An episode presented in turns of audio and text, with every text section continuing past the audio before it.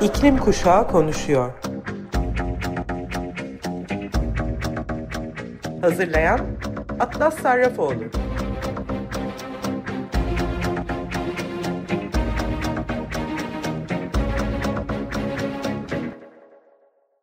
Merhaba Sayın Açık Radyo dinleyicileri. Açık Radyo'nun İklim Kuşağı Konuşuyor programını dinliyorsunuz. Ben Atlas Sarrafoğlu. Programımda bugün Fridays for Future Japonya'dan iklim aktivisti Kentaro Yamamoto ile yaptığım röportajımı sizlerle paylaşacağım. İklim değişikliği sadece sıcaklık artışıyla değil aynı zamanda gerçek insanların özellikle de en çok ezilenlerin geçim kaynakları ve hayatta kalması ile ilgili diyen iklim aktivisti Kentaro Yamamoto, Japon şirketlerinin küresel güneydeki özellikle Asya'daki kalkınma projelerinin yıkıcı etkilerini öğrenerek insan hayatını alan ve gezegeni yok eden kar odaklı sistemi değiştirmek için Fridays for Future Japonya'ya katıldı. Asya ve ötesinde iklim hareketi oluşturmak için FFF Japonya'nın diğer organizatörleriyle birlikte iklim adaleti projesini başlattı. Kentaro ile iklim aktivisti olma hikayesini ve iklim adaleti çalışmalarını konuştuk. Şimdi bu röportajı sizlerle paylaşıyor olacağım. Aktivist olmaya nasıl karar verdiğine bizlere anlatır mısın? Fridays for Future hareketine katılmaya karar verdiğimde 2021 baharıydı. O zamanlar burada Tokyo'daki aktivistlerle çeşitli sosyal meseleler hakkında çalışıyordum. Beni iklim aktivizmine yönlendiren şey aslında sömürgecilik ve emperyalizm sorunudur.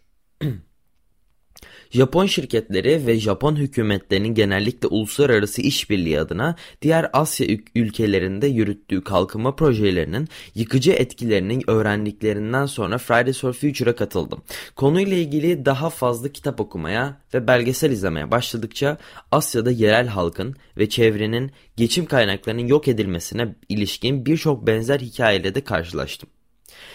Mega baraj inşaatı için köyleri sular altında bırakan kalkınma projeleri, burada kullanılan ucuz kereste için tropikal yağmur ormanları kesenler, havayı ve suyu kirleten ve işçileri riske atan ihracat işleme bölgeleri inşa edenler ucuz malları ihraç edecek limanlar inşa etmek için balıkçı topluluklarını buldozerlerle talan edenler ve daha neler neler.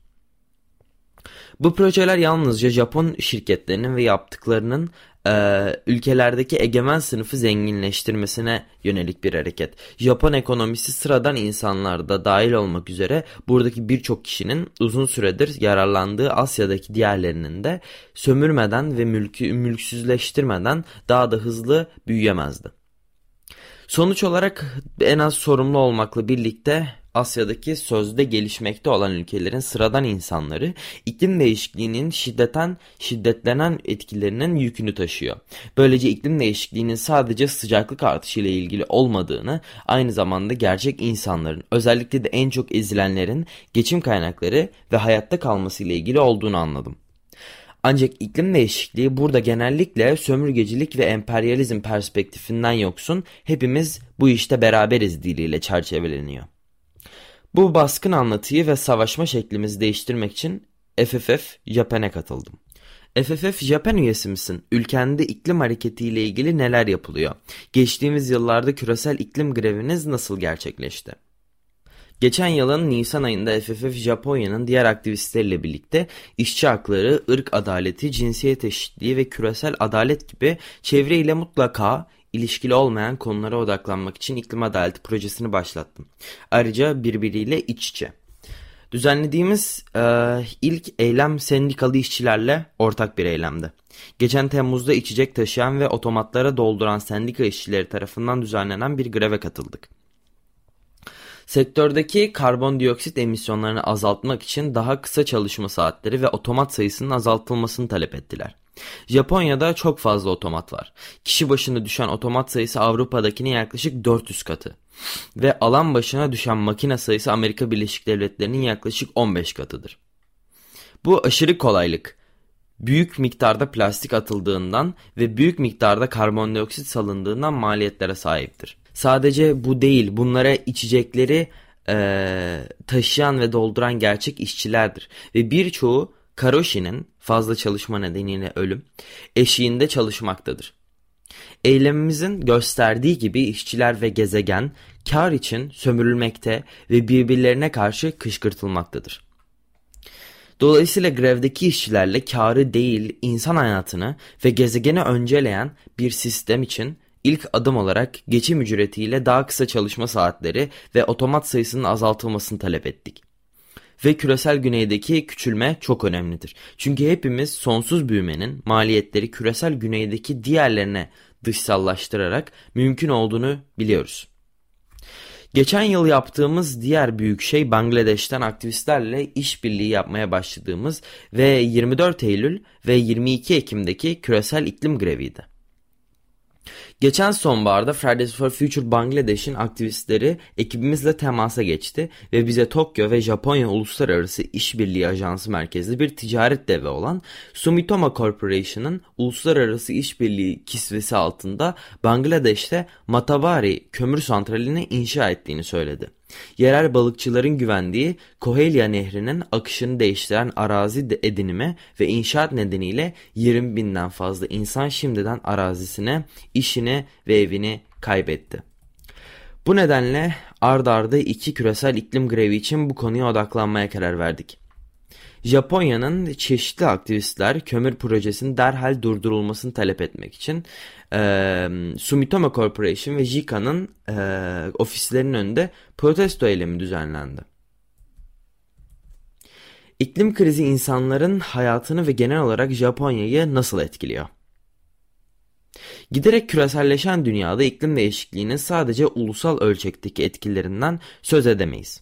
MAPA en çok etkilenen kişiler ve bölgeler terimi bize iklim değişikliğinden en az sorumlu olanların yükün çoğunu taşıdığını söylediğinden mücadelemizin bu eşitsizliği değiştirmeye odaklanması gerekiyor. Matarbari Kömür Enerji Projesi bu eşitsizliği somutlaştırıyor. Bu proje kapsamında inşa edilen tesisler Japonya'da tolere edilmeyecek bir çevre kirliliğine neden olacaktır. Örneğin Japonya'daki ortalama yeni kömür e, yakıtlı elektrik santrallerinden 21 kat daha fazla kükürt dioksit salmaları bekleniyor.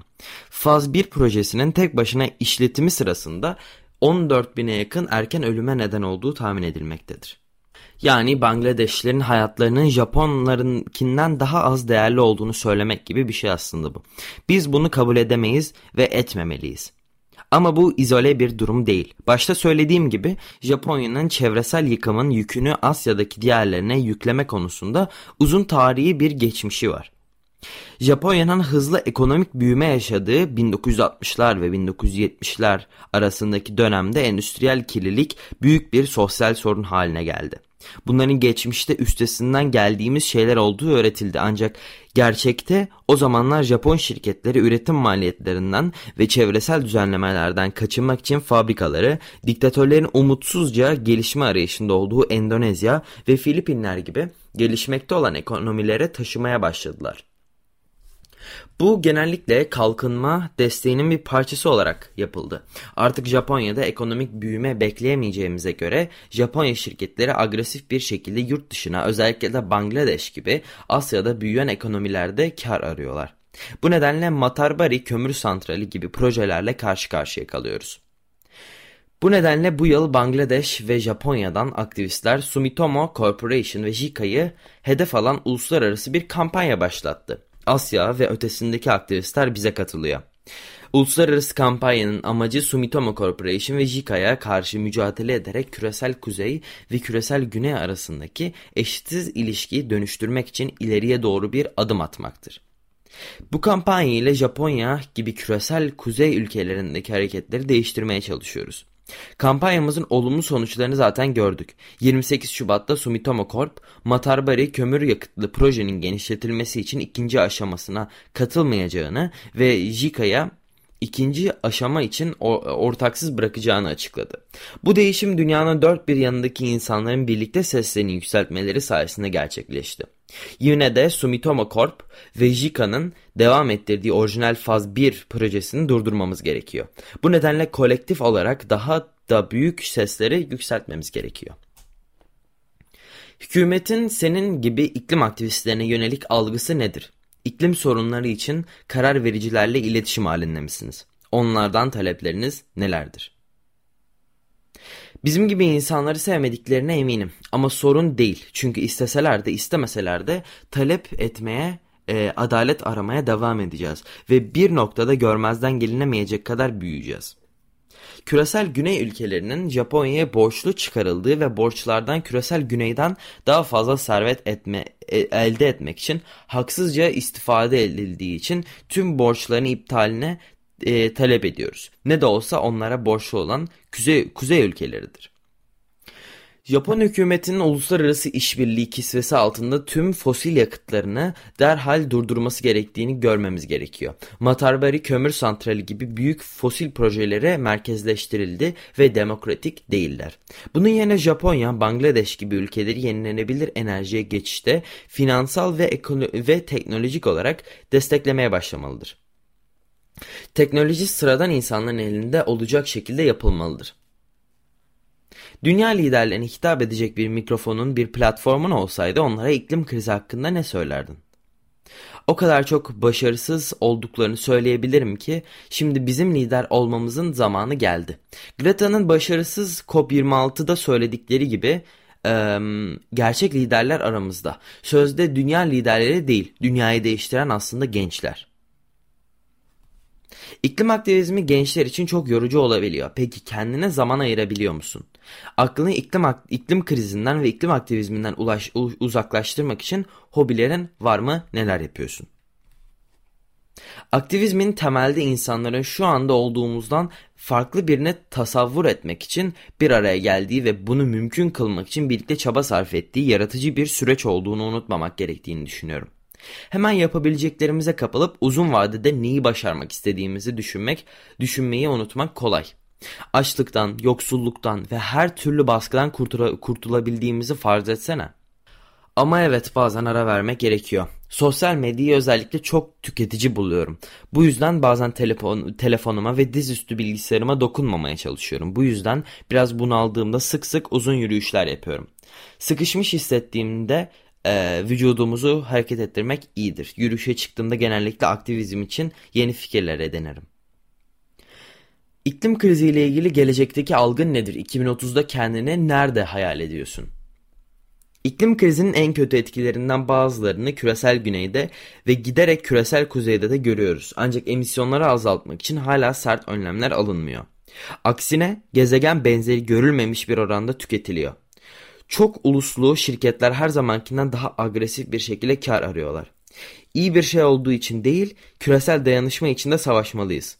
Bu gerekli bir şey. Çok uluslu şirketler sınır tanımıyor.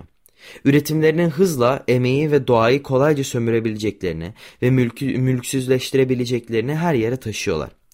Parçalanırsak kazanamayız. Bu yüzden küresel dayanışma için de savaşmamız gerekiyor. Bu durumda küresel kuzeyin hareketlerini dönüştürmeye ve şimdi küresel güneyin hareketleriyle dayanışma içinde kolektif mücadeleyi örgütlemeye başlamalıyız. Örgütlenme yoluyla iktidardakileri alt etmek ve gelecekte dünyaya gerçekten liderlik edebilmek için şimdikinden daha büyük bir güç halinde hareket etmeliyiz. İklim değişikliği acil bir tehdittir ancak örgütlenme zaman alır. O halde şimdiden örgütlenmeye başlamalıyız. 2030'da pek çok Z kuşağı gibi 30'lu yaşlarımda olacağım. Dürüst olmak gerekirse o zaman ne yapacağım hakkında hiçbir fikrim yok.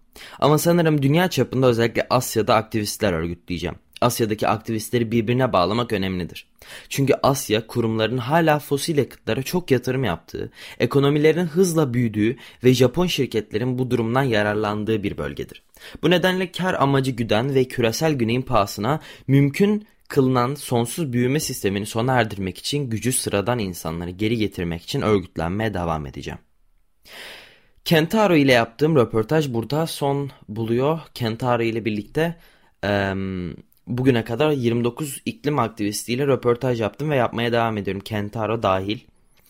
Ee, amacım dünyanın farklı ülkelerinde yaşayan iklim krizini e, hayatlarının bir parçası olarak e, yaşayan hükümet politikalarını ve gençlerin aksiyonlarını sizlere gösterebilmek, bir yandan kendim öğrenebilmek, onların hikayelerinden ilham alabilmek ve dünyanın aslında ne kadar kötü, ne kadar vahim bir durumda olduğunda aslında sizlere tekrar gösterebilmek açısından. Ama umudunuzu yitirmeyin çünkü hala zamanımız var. İklim aktivistleri olarak da bilimi dinlediğimiz için hala zamanımızın olduğunu biliyoruz. Bu yüzden aslında biz sokaklara çıkıyor, grevler yapıyor, taleplerimizi belirtiyoruz ve Kentaro'nun da söylediği gibi İklim adaletini her zaman arıyor olacağız. İklim adaletiyle ilgili taleplerimizi her zaman belirtiyor olacağız.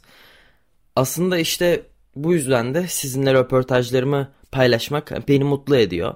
Bir iklim kuşağı konuşuyor programının daha sonuna geldik. Ben Atlas Sarrafoğlu. Haftaya yine saat 2'de Cuma günü görüşmek üzere. Programımı e, Ben Lee'den We Are All In This Together şarkısıyla bitir bitiriyorum. Tekrar görüşene dek kendinize ve gezegenimize iyi bakın. Görüşmek üzere.